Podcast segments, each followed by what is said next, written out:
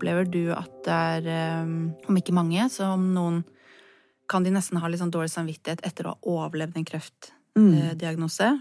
Du var en av de heldige som overlevde, Mm. men så er det likevel kanskje skikkelig tøft? Vi opplever mange som ringer inn og nettopp eh, ja, kanskje sitter og er litt sånn fortvila fordi at man har de forventningene. Kanskje, kanskje aller mest fra seg sjøl, da.